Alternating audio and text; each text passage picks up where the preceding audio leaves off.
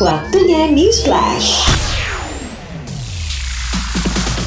News Flash bersama saya Jody Hendrarto. Aplikasi e-hack yang berdiri sendiri atau standalone tidak berlaku lagi di Bandara Kelolaan PT Angkasa Pura II atau AP2. Seperti diketahui bahwa pengisian aplikasi tersebut di Bandara Keberangkatan merupakan salah satu syarat untuk terbang.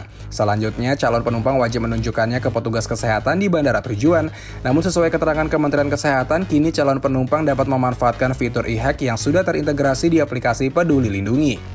Beralih ke informasi lainnya, Netflix merilis official trailer film Red Notice yang dibintangi oleh Dwayne Johnson, Gal Gadot, dan juga Ryan Reynolds. Film ini menceritakan aksi John Hartley yang diperankan oleh Dwayne Johnson, seorang agen FBI dalam memburu The Bishop yang diperankan oleh Gal Gadot, yang merupakan artis paling dicari di dunia. Perburuan tersebut memaksa John untuk bekerja sama dengan kriminal seni lainnya yaitu Nolan Booth yang diperankan oleh Ryan Reynolds. Red Notice dijadwalkan untuk tayang perdana di Netflix pada tanggal 12 November 2021.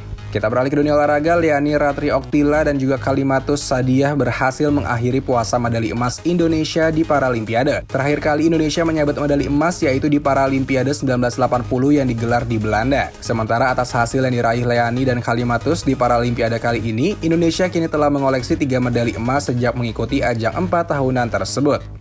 Lanjut ke dunia sepak bola, sebagian pemain Barcelona dikabarkan senang Antoine Griezmann kembali ke klub lamanya Atletico Madrid. Griezmann harus tinggalkan Camp Nou setelah Barca alami krisis keuangan yang bahkan membuat para pemain harus alami pemotongan gaji dan klub gagal merekrut kembali ikon klub mereka yaitu Lionel Messi.